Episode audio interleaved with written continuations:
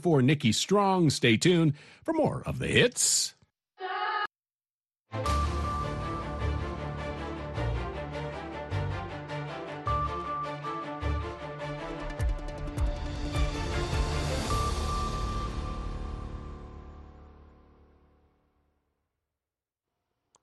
halkani waa washington laanta afka soomaaliga ee v o a oo aad ka dhegaysanaysaan mawjadaha gaagaaban hirarka efemyada geeska africa iyo caalamkao dhan oo aad naga dhegaysanaysaan bogga v o a somaly com.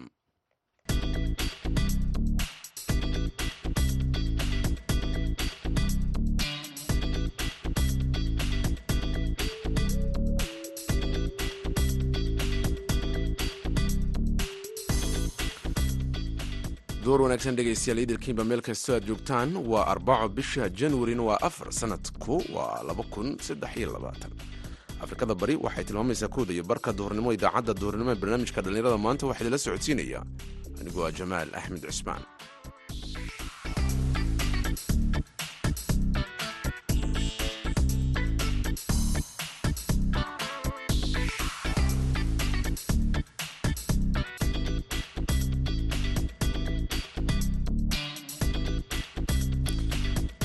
aad idaacadda duhurnimo ee barnaamijka dhallinyarada maanta ku dhegaysan doontaan waxaa ka mid ah kulan wacyigelin dhinaca caafimaadka oo loo qabtay bulshada ku dhaqan magaalada boosaaso waagi waxaa la dhihi jiray waxaan duray iyo daaf allaha kaaga dhigo oo ma aragtay dad hargab iyo ka baqa ama in loo dhinto ama wax keeno ma ahaan jirin. Waxa lagu ducaysto. Laakiin hadda wuxuu noqday dee dilaabuu noqday wuxuu keenay saamayn badan. Qofkii aan u dhimanna de waxaa laga yaabaa xanuuno ka badan inuu ku sababo ama sababada iyo feeraha iyo raadraag badan uu uga tago.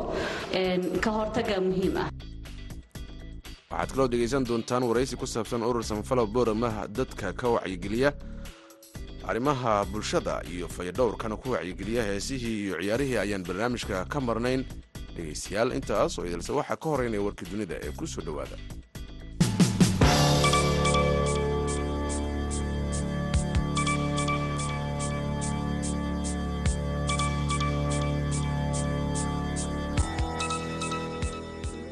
Ugu yaraan shan iyo toban qof ayaa ku dhintay. Tiro kalena way ku dhaawacmeen. Laba qarax oo ismiidaamina oo ka dhacay magaalada maxaase gobolka hiiraan sida ay v o a u xaqiijin saraakiilaha ku sugan halkaasi mid ka mid a qaraxyada ayaa la eegtay guri uu maxaas ka degan yahay xildhibaan maxamed abubakar jacfar oo ka mid a xildhibaanada golaha shacabka. Walow aanu xildhibaan jacfar joogin maxaas xilligii uu dhacayay qaraxani halka ka kalena uu ahaa mid lagu beegsaday guri uu lahaa gudoomiyaha degmada maxaas muumin maxamed xalane. Muumin maxamed xalane ayaa v o a u sheegay in weeraradaasi ay hayeen kuwo argagixiso isagoo intaasi ku daray in hay'adaha amniga iyo kuwa gurmadka degdegahi ay yimaadeen goobaha ay ka dhaceen qaraxyada. Maleeshiyaadka al-shabaab ayaa sheegtay mas'uuliyadda weeraradaasi maxaas ayaa ka mid ah deegaano ciidanka dowladda soomaaliya kuwa deegaanka ay bilii la soo dhaafay ka saareen kooxda al-shabaab iyadoo sagaaliyo tobankii nofembar oo sidoo kale booqasho ku tegey madaxweynaha soomaaliya xasan sheekh maxamuud isagoo ballan qaaday in maxaas ay noqon doonto meelaha ugu horreeya ee mashaariicda horumarineed laga fuliyo dhowaanahan gordhow ayaad maqli doontaan warkii ugu dambeeyey ee arrintaasi oo aan idin faahfaahin doono. Dakhliga saliidda libiya ayaa kor u kacay ilaa iyo boqol iyo shan dhibic shan bilyan oo diinaar lacagta libiya una dhiganta labaiyo labaatan dhibic hal bilyan oo dolarka mareykanka sannadkii dhammaaday laba kun labaiyo labaatan. Marka loo eego boqol iyo saddex dhibic afar bilyan oo diinaar oo lacagta libiya ee sannadkii laba kun koo iyo labaatan. Bangiga dhexe ee dalkaasi ayaa sidaasi sheegay maanta bangiga dhexe libiya ee c p l loo soo gaabiyo ayaa sheegay in soddon afar dhibic afar bilyan oo diinaar ay u qondeeyeen shirkadda saliidda ee dowladda ee n o c loo soo gaabiyo si loogu isticmaalo marxaladaha degdega iyo qaabeynta maaliyadeed ee kumeel gaarka. Shirkadda n o c ayaa shirkadda keliya ee soo saarta batroolka haysatana sharciga dhammaan dakhliga dhoofinta. Ayaa waxa ay soo martaa bangiga dhexe ee c b l si ay u maalgeliso qeybaha dadweynaha. Labaduba waxay xaruntoodu tahay magaalada tripoli. Maraykanka wuxuu riixayay kormeer dhaqaale hab lagu hubinayo in si hufan oo cadaalad ah loo qaybiyo dakhliga saliidda libiya wadarta kharashka ayaa ahayd bilyan oo diinaar oo ah boqolkiiba korarka marka loo eego oo tiradii la soo wariyay ee oo bilyan oo diinaar sida uu bangigu sheegay warkii dunida dhegeystayaal waa naga intaa.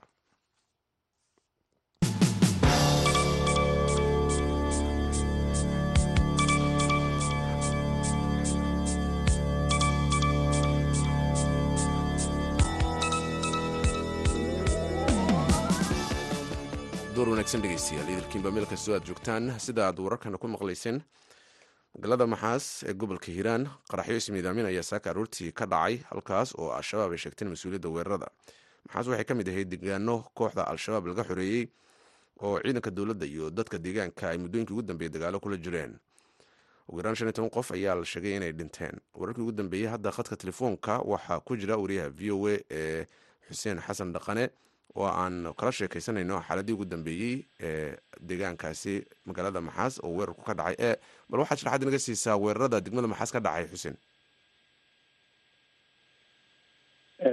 Jamaal waa mahadsan tahay gudoomiyaha degmada maxaas muumin maxamed xalane oo daqiiqado ka hor la hadlay v o a waxa uu noo xaqiijiyey tirada dhimashada inay gaartay dhowr iyo labaatan dhaawacana dhowr iyo soddon ka badan qaarkood ay qabaan dhaawacyo culus oo loo qaaday magaalada muqdisho kuwa dhaawacooda fudud yahayna cisbitalka degmada maxaas in lagu dabiibayo. Dadka dhaawaca ah waxaa ku jira weriye ka tirsan t v-ga dowladda oo lagu magacaabo khaalid ilka case iyo guddoomiyihii degmada ceelbuur oo isagana dhaawaciisa uu culus yahay. Waxaa loo qaaday magaalada muqdisho.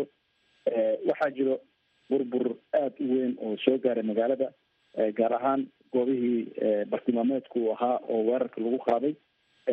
Dadka dhintay waxaa ku jira qoys guddoomiyaha uu sheegay in sagaal ka mid ah qoys meel ku noolaa ay ku dhinteen oo laba qof camal ay ka badbaaday. Xaaladda hadda waa ay degan tahay oo dadkii dhaawac ahaana intii cusleed muqdisho loo qaaday kuwa kalena waxaa lagu daweynayaa cisbitaalka degmada maxaas. Marka maxaas waxay ka mid ahayd meelihii dhowaanaha al-shabaab laga saaray ciidanka dowladda iyo kuwa deegaanka ayaana joogay sida wararkaaynu ku helena madaxweynaha soomaaliyana dhowaan ayuu booqday. Maamulku marka sidee bay arrintani ku macneeyeen in weeraro intaa la eg ay ka dhacaan deegaanka islamar ahaantaasina ay kooxda shabaab u suura gasho inay halkaasi soo gaaraan gudoomiyaha degmada maxaas. Waxa uu sheegay in weerarka uu la mid yahay weerarada dhacaya sidoo kalena foojignaan ay sameeyeen ciidanka isku dayeen inay ka hortagaan laakiin uu gudaha magaalada soo galay. Bartilmaameedku waxa uu sheegay in khasaare intaa ka badan uu ahaa in weerarada loo geys lagu geysto laakiin aysan dhicin oo sida uu tilmaamay ciidanka ay ka hortageen deegaanka dhaqdhaqaaq waa uu ka socday waxaa jiray ciidan iyo xubno ka tirsan dowladda xildhibaano u badan oo berihii ugu dambeeyay tegayay si dhaqdhaqaaqa loo xoojiyo. Maxaasna waxay ududhaxaad u tahay xarunta howlgallada hirshabelle gaar ahaan hiiraan. Marka guddoomiyaha waxa uu tilmaamayaa in weerarkaasi uu ahaa weerarada dhacaya dadaalkay samayn karaan ay sameeyeen laakiin wax dhici raba ay ka hortegi waayeen oo wax dhacaya aan la celi karin. Waa gartay. Hadda xaaladdu waa sidee? Marka guud ahaan sawir aada naga siiso iyo wararka aad halkaa ka helayso. Xaaladda waa ay degan tahay. Waxaa sidoo kale jiray dagaal ka dhacay deegaan lagu magacaabo dudumcad oo sida uu guddoomiyaha ii sheegay hal qof uu ku dhintay. Labada meelood marka la isku daro xaaladdu waa ay degan tahay guddoomiyaha waxa uu tilmaamay in baaritaan ay ku hayaan bal haddii la helayo dhismayaashii burburay dad nool in ay ku jiraan iyo haddii kale ama dhaawac ama dhimasho wixii laga heli karo. Laakiin sida guud xaalku waa uu degan yahay waa sidaa waa tahay. dagaalka deegaanka duncad uu ka dhacay isaga maxaad faahfaahin laga siin karaysa? U dhexeeyey? Sidee bay wax u dhexeen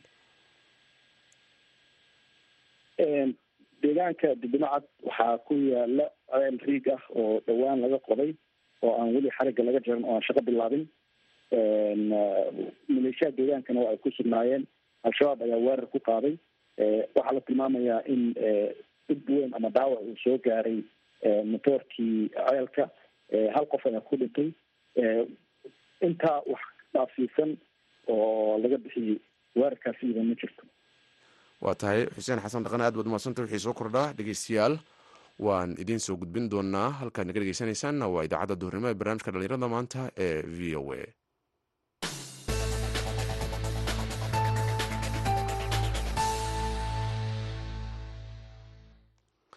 Waa tahay dhegeystayaal qodobada kale aan idaacadda duurnimo idinku hayo haddaan u gudagalno kulan looga hadlayey sidii bulshada looga wacyigelin lahaa halisaha cudurka covid uu weli ku leeyahay bulshada iyo sida ay bulshadu arintaasi markaasi uga gaashaman karayso ayaa lagu qabtay magaalada boosaaso ee gobolka bari. Wariyaha v o a yuusuf maxamuud yuusuf ayaa warbixintan soo diray madashan oo ahayd wadatashi u dhexaysay qaybaha kala duwan ee bulshada magaalada boosaaso ayaa looga hadlayey saamaynta xanuunka covid iyo faa'iidada uu leeyahay talaalkiisa. Bulshada kulankan oo ay soo qabanqaabisa hay'adda i s d b oo kaashanaysa wasaaradda caafimaadka puntland iyo weliba hay'adda yunisef ayaa inta uu kulankan socday bulshada looga wacyigelinayey khataraha xanuunka covid iyadoo bulshadana looga baahan yahay inay ka taxadaraan xanuunkaasi kulankan ayaa sidoo kale waxaa ka qaybgeliyey bulsho laga soo kala xulay xaafadaha magaalada boosaaso mas'uuliyiin ka socday xarumaha caafimaadka iyo weliba cadaaladda ee gobolka bari. Farxiyo cabdiwahaab maxamed iyo maxamed cabdi gurey oo soo qabanqaabiyey kulankan wacyigelinta ah ayaa sheegay in muhiim ay tahay in laga faa'iidaysto tallaalka xanuunka covid si bulshada aan loogu faafin. Barnaamijkan waxa uu ku salaysan yahay muhiimadiisu ay tahay wacyigelinta wacyigelintaasoo ah cashaan sidii loo bedeli lahaa dabeecadaha. Maaragtay aan ku habboonayn hadda jawiga aynu ku jirno. Waagi hore waxaa la dhihi jiray waxaan duray iyo daaf allaha kaaga dhigo. Oo ma aragtay dad hargab iyo ka baqa ama in loo dhinto ama wax keeno ma ahaan jirin. Wax lagu ducaysto laakiin hadda wuxuu noqday dee dilaabuu noqday wuxuu keenay saamayn badan.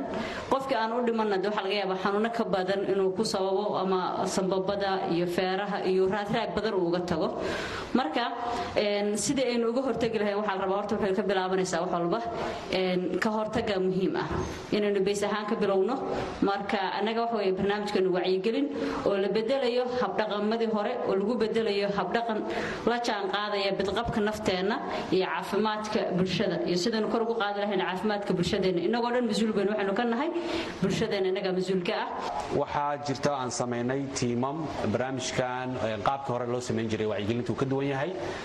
Tiimamkaas waxay ka kooban yihiin boosaaso kaamka oo dhan hadda intaan ka shaqayna waa labaatan idb cam qaar ka mid a dhallinyarada iyo ka qaybgalayaasha kulankan looga hadlayay khataraha xanuunka covid ayaa ka hadlay sida ay uga qayb qaadan karaan wacyigelintaasi iyo weliba in laga hortago dhibaatadiisa waxayna ballan qaadeen in wacyigelintaasi ay gaarsiin doonaan xaafadaha ay ka kala yimaadeen. Saan loo soconno magaalada boosaaso waa magaalo ay ku nool yihiin babulashan fara badan ama waa magaalada puntland ugu dadka badan saa daraaddeed waxay u baahan tahay marka laga hadlayo dhanka caafimaadka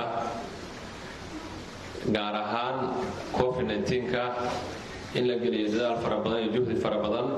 Annaga waxaa nahay wacyigeliyayaashii laga soo xulay kaamamka ka kaam ee magaalada boosaaso waxaana nalagu tababaray inaan dadka ka wacyigelino oo aan gaadhsiino. Waxa uu yahay xanuunka wacyigelinta covid-19 ama coronavirus. Horta tallaalkaa la qaato tallaalka yaan laga cabsan waayo anigu tallaalka waa qaatay. Haddii lagu dhimanay anaa dhiman lahaa. Waa idin hor taaganahay maanta alxamdulilah marka dadka waxaa lagu wacyigelinaya in maskaxdooda laga saaro. Johro muuse cabdi iyo weliba axmed hiirad oo ka socday wasaaradda caafimaadka puntland ee gobolka bari ayaa bulshada ugu baaqay inay qaataan tallaalka xanuunka covid si aysan u sii faafin xanuunkan. Marka waxaan ka codsanaynaa dadkii waaweynaa haddii ilmihii aad tallaalataan oo tallaalka siisaan idinkii waaweynaa oo shaqayna u soo shaqaynaydna tallaalka qaadan. Xoogaa taas waxay noqonaysaa haddee haddaa carruurtii ka tagtid ka waran tii allah kuu timaado ilmahaasi sow ka ahlaabi maayaan. Wax kastaa ku dhici kara. Marka adigu caafimaadkaaga inaad ka fikirtaan oo aad istallaashaan ee gudiyadiinna aad u sheegtaan.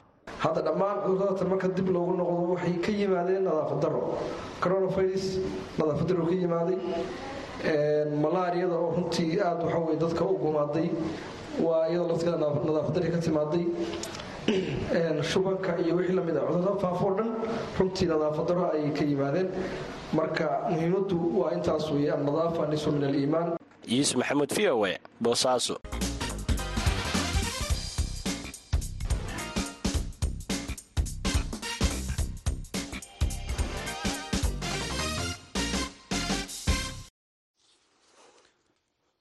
mar kale duur wanaagsan magaalada boorama waxaa ka jira urur la magac baxay da'walba daryeel oo ay ku midaysan yihiin dhalinyaro aqoon-yahanaa oo kuwaas oo bulshada ka wacyigeliya arrimaha caafimaadka iyo feeqabka bulshada.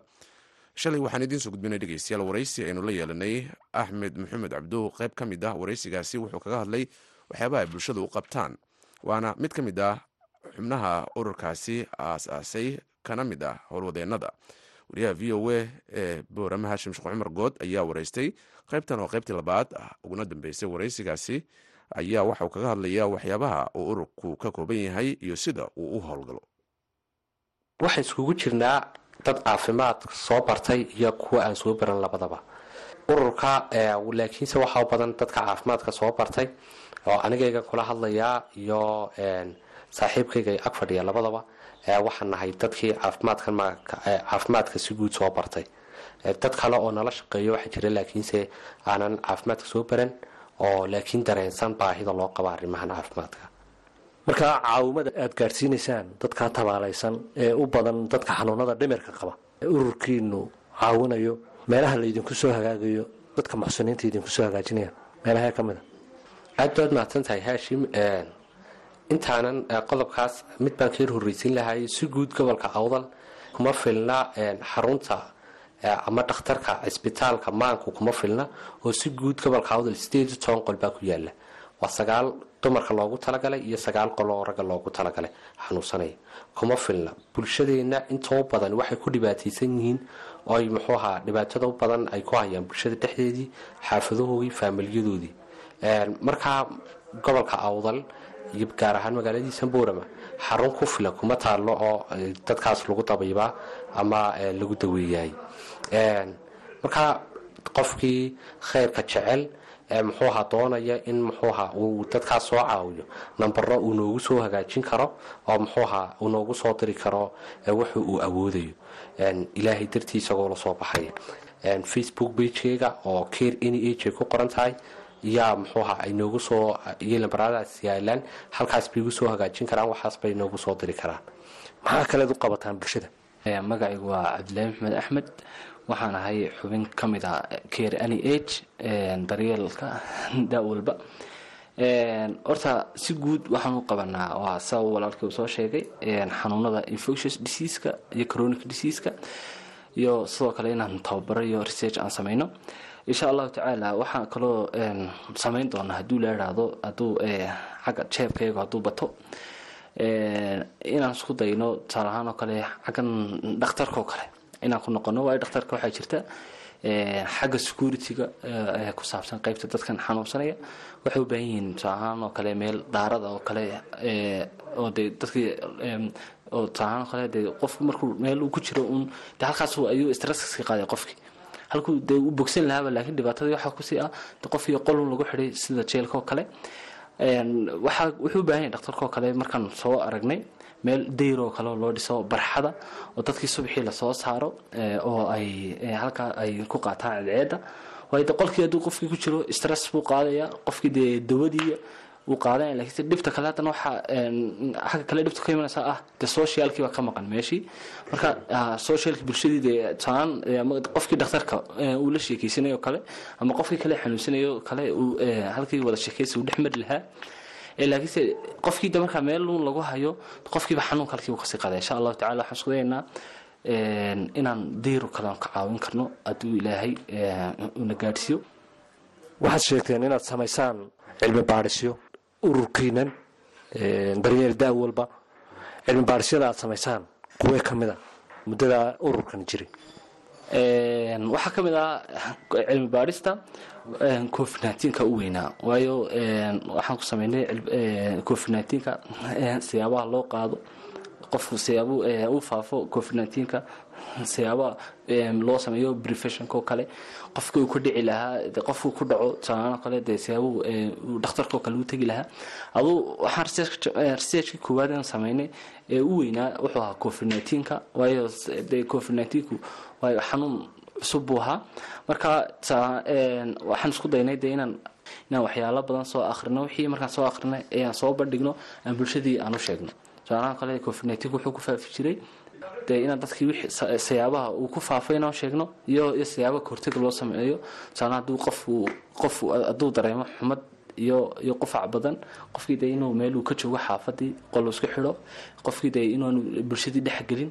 Wacyigelinaha iyo talooyinka caafimaadka iyo dhinaca kale ee gargaarkaba ma gudaha magaalada boorama aad ka samaysaan mise tuulooyinka gobolka iyo degmooyinka kale ee gobolka u baxdaan horta waxaan ka sameynaa waa, magaalada buurama waayo urur weyn ma nihin ee, waayo waxaan ku shaqeynaa waxaan dadkan ka soo qaadno maan ku celinaa waayo anaguna waxaan u badannahay inta u badan waa dhalinyar qalin oo bilaan camalaan nahay.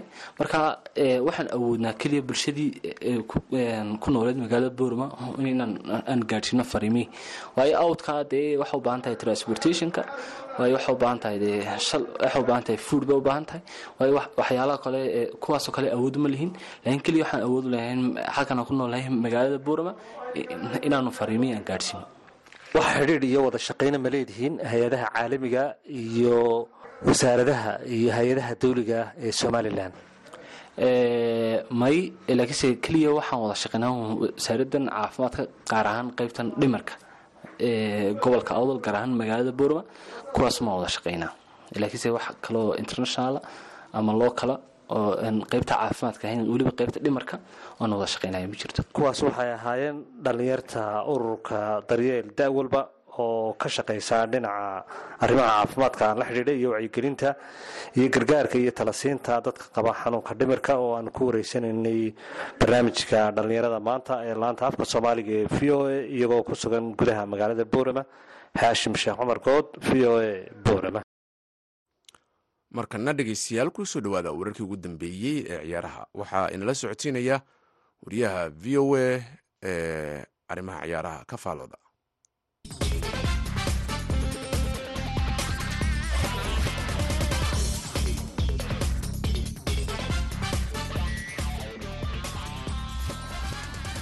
wanaagsan dhegeystayaal dhammaantiinba kuna soo dhowaada xubinta ciyaaraha. Waxaad maqli doontaan falanqayn ku saabsan horyaalada waddanka ingiriiska iyo talyaaniga gaar ahaan waxaynu si gaara diiradda u saari doonaa horyaalka waddanka talyaaniga oo caawa dib la isugu soo noqonayo kulan xiiso badan oo dhex maraya kooxaha kubadda cagta ee naaboli iyo inter milan. Laakiin marka hore waxaan ku hormarayaa horyaalka waddanka ingiriiska oo xalay laba kulan oo adag la ciyaaray isla markaasina labadaasi kulan ay ahaayeen kuwii ugu mudnaa habeenkii xalay kooxaha kubadda cagta ee arsenal iyo newcastle ayaa barbara ku kala tegay halka manchester unitedna ay saddex gool iyo hal gurigeed aan idhahda saddex gool iyo waxba ay gurigeeda kaga soo adkaatay kooxda a f c banmouth arrimahaasi haddaba waxaa ila falanqaynaya cabdiraxiin kismaayo oo ciyaaraha ka faallooda kana tirsan telefishinka astaan oo ku sugan magaalada muqdisho. Cabdiraxiin soo dhowo aad iyo aad waa dhawahay mascad habeen qurux badan oo ahaa xalay horyaalka wadanka england premier league. Arsenal xalay waxaa la islahaa haddii newcastle ay ka fokato sanadkan si toos ay horyaalka dhankiisa u jigeysatay ayaa dad badan filayeen. Balse meeshan newcastle oo koox qarash badan la geliya iyadana dadaal badan ay xalay sameeyeen. Ugu dambeyn daafac ay ku soo galeen waa aynu u dhawowday yoolkoodii ahaa inay daafacdaan. Walow arsenal ay aad u dadaaleen. Dhaawaca jesus arsenal markan way dareemaysaa sababtoo xilligii ugu dambeeyey wareegi labaad galayo ku guuleysiga horyaalkana xilliga ugu badnaa loo calaamadeynayo arsenal. Dhibaato ku bilaabatay marka waxa la filaya maysan ahayn arteta iyo kooxdiisa arsenalna xalay. Colos weyna soo fulay marka loo fiiriyo muddooyinka u dambeeyey bandhigi wanaagsan ay ku jireen. Cabdixeen markaad eegto laakiin arsenal dadka ciyaaraha ka faallooda waxay leeyihiin arsenal koox u diyaarsan inay koob ama horyaal ku guulaysato ma ahan marka la eego ciyaartooyda ay haysato oo halkan kabkab iyo ad adeyg iyo dadnimada macalinka ayay ku yimaadeen. Adigu sideed u aragta horta koox awoodan wareega hore o dhan horyaalka hogaaminaysa haatan wareega lugta labaad la gudagalayo sideed dhibcood kooxda ku soo xigtay ka sareysa horta lama dhayalsan karo awood ayna arsenal halkan ku joogtay laakiin xilliga lislahaa maadaama kulamada dambe haddii dhowr kulan lagu celiyo kooxaha kaa dambeeyana ay fursad soo helaan dhibaata kugu noqonaysa in horyaalka lagula hogaamiyo ama ugu dambeyn lagaa dulmari karo. Adigoo dhibcaha kaasoo jarmayaan kooxaha kugu soo xigana dhibca ay soo helayeen marka arsenal horta awooday ku joogtay waxay xalay in barbaro laga geliyay ka horeysay iyo guuldaradii keliya keliya man united kala soo kulantay. Arsenalku wax awood lay ahayd laakiin xilligan oo kale wareeg labaad marka la gaaro waa xilliga la fiiriyo kooxda. Masi jiri karta awoodeeda horyaalka ku sii hanan karto mise way soo dhimaysaa? Marka arsenal xale waxaa u malaysaa waddada inay soo dhimaysa awoodeeda u bilaabatay taasoona keenaysa waxaa qasab noqonaysa haatan kooxda inay laba koox lahaato koox leab koowaada iyo koox bedel labaad oo fiican marka arsenal wax xale ku dhacay dadka doodaas qabi way ku saxnaan karaan yacni bilmatalan waxaad leedahay kooxdu ciyaartooy kayb ka kacda oo ciyaarta wax ka bedeli karta uma ay joogto. Waa gartay kooxda kubadda cagta ee manchester united ayaad moodaa xawli iyo xawaaro inay ku socoto kulamadii ugu dambeeyey oo way guulaysanaysay oo shabaqeeda xataa in la gaaran ay adkaanaysay. Manchester united kulankii habeenkii xalay ahaa ay la ciyaartay f c barmouth si fiican bay ugu durdurisay saddex gool waxbay ku badisay. Iyadu ma u muuqataa koox ugu yaraan kaalinta labaad ama kaalinta koowaad qalqiil gelin karta inay tahay erigtan haag oo man united ku cusub qalqal ayuu ku bilowday bilowgii horyaalka isbeddel loo sameeyey xidigo la soo wareegay. Ericson iyo casamero martinkoodii man united wax weyna iska bedelay iyadoo aad u crisman casamero aan raade kulamada u dambeeyey inuu kooxda isagaba goolasha guusha lagu gaaray kooxda uu dhalinayay marka man united isbeddel fiican ay samaysay daafacoodana tani martinez iyo bren markays la qabsadeenna kooxda aada u saraysa laakiin gool waa laga dhalinayay kulankii u dambeeyey iyo kulankan ayaa shabaqooda keliya la gaarin laakiin man united kooxas ku fiican dhibcaheeda meel muhiim ku soo gaartay booska afraad xajisatay misodana shan dhibcood ay wadaagaan. Newcastle oo booska saddexaad ku jirta. Marka man united labaad ilaa saddexaad koox tiisan karta oo haddii bandhigan ay sii wadaan. Weerarkooda oo kale rashford iyo marshal iyadana isbedelo wanaagsan sameyn marshalna kulamada u dambeeyey kooxdiisa goolal ayuu dhalinaya oo xiriira marka man united waa iskugu tootoosan tahay ilaa haatan haddii iyadana aysan wareerin sida horyaalka bilowgiisa ku dhacdo kale way ka soo kabteen haatan erigtan hag iyo man united booskooda afraad inay xajisteen ayaa kaaga dhigan in saddexaad iyo labaadna ay sii tegi karaan kulamada u dambeeyay qaabkii u ciyaareen marka loo waa tahay dhinaca kale horyaalka waddanka talyaaniga ayaa isagana caawa laysugu soo noqonaya kulamo badan ayay kooxo iskaga hor imaanayaan. Ac milan baa booqanaysa kooxda salentana sidoo kale kooxda kubadda cagta atlanta sbasia ay la kulmaysaa oo guriga sbasia ay booqanaysaa lazio lej ay aadi doontaa juventus camaronesa ay iyaduna la kulmi doontaa laakiin kulan si weyn isha loogu hayn doono caawa waa kulanka dhex maraya kooxaha kubadda cagta inter milan iyo napoli. Labadan kooxood marka la eego horyaalka wadanka talyaaniga waxay ka mid yihiin kooxaha ugu waaweyn walow kooxda napoli haatan ay hogaanka horyaalka wadanka talyaaniga iyadu hayso oo ay weliba si wacan u hogaaminayso halka kooxda inter ay kaalinta shanaad ku jirto. Kulanka labada kooxood dhex maraya cabdiraxiin haddii aad eegto weliba guriga inter lagu ciyaarayo. Maxaa laga filaya labada kooxood inay soo bandhigaan mascado ciyaartan oo giuseppe messi garoonkeeda ku soo dhaweynayso magaalada milan kooxda internationale dhigeeda napoli. Inter haatan booska ku jirtaa sidaa sheegtaba oo soddon dhibcood ay leedahay halka napoli horyaalka hogaaminaysan afartan iyo kow dhibcood ay leedahay. Taasi oo farqiga toban dhibcood wax ka badan labadana kooxood ay udhexeyso ciyaartan ayaa mid aad u adag tababare simon inzaghi oo inter hogaamiye martinez oo xulkiisa argentina meel fiican la gaaray koobka adduunka guuleysta ah ayaa dib u soo laabanaya taasoo ku doonaya mar kale kooxdan oo juventus oo horyaalka muddo ku guuleysanaysa ka soo dhigtay mar kale sanadka hadda ugu dambeeyey AC Milan ku guuleysatay. Sanadkan gacanta Napoli inuu gali karo ayuu u muuqdaa sidan waxay ku dhamaadaan koobka adduunka kadib ciyaarihii ugu horeeyay la bilaabo. Waaye AC Milan oo ka soo xigta ayaa soddon iyo saddex dhibcood leh Napoli iyadana iyo dhibcood leedahay. Juventus ayna saddexaad ku jirta Lazio afraad Inter shanaad Atalanta iyo Roma toddobaad ah. Kooxihii waaweynaa inay sidaas isugu xigaan ayaa muuqanaysa Serie A in awoodiisii ay soo laabanayso xiisii horyaalkan loo qabay napoli haddii sanadkan ay guuleysatana wax weyn ayuu ka bedeli karaa in xiisaha horyaalka ama dhadhankiisa uu sii kordho. Dhowrka sano xiriirka juventus ay haysatay in xagaagii kan ka horreeyay inay milan inter milan ku guuleysatay kii u dambeeyay AC milan ay haysato. Sanadkana sanadka napoli noqon karo. Marka sidaas ayaa zeri eedu ku noqonaya mid xiisihiisa soo ceysta laakiin kulankan mid adag ayuu yahay. Inzaghi wuxuu aad u danaynaya martinez oo dib ugu soo laabtay inay caawa ugu yaraan dhibcaha. Napoli ay ku soo yareyn karaan. Halka sbeleti oo isagana majaraha u haya napoli uu caawa doonayo warana dhibcahaasi basado haddii barbare ay helaan xitaa culeyskooda oo ku sii yaraan doona AC Milan oo ku soo xigtana maadaama dhibca badan ay ka sarreeyaan. Marka Napoli koox aad iskugu muuqata ay u eg tahay ilaa haatan bandhigooda mascad sida aan ka aragno. Napolina weli koox lagama dhigin horyaalka hogaankiisa in muddaha ciyaareedkan koobka adduunka la aadin. Waa tahay saddexiy tobanka bisha januarina napoli yuventus ayaa foodaystari doona iyadoo kooxda yuventus maalmahan ay karaarkeeda soo qaadanayso oo kulamadii ugu dambeeyay aada u soo guulaysanaysa. Waa tahay cabdiraxiin aad iyo aad baad umahadsan tahay. Dhegeystayaal xubinteena ciyaaraha inta ayaan ku soo gabagabeynayaa inta aynu mar kale dib u kulmi doono waa mascadooda ku dhaafaya sidaa iyo nabadgelyo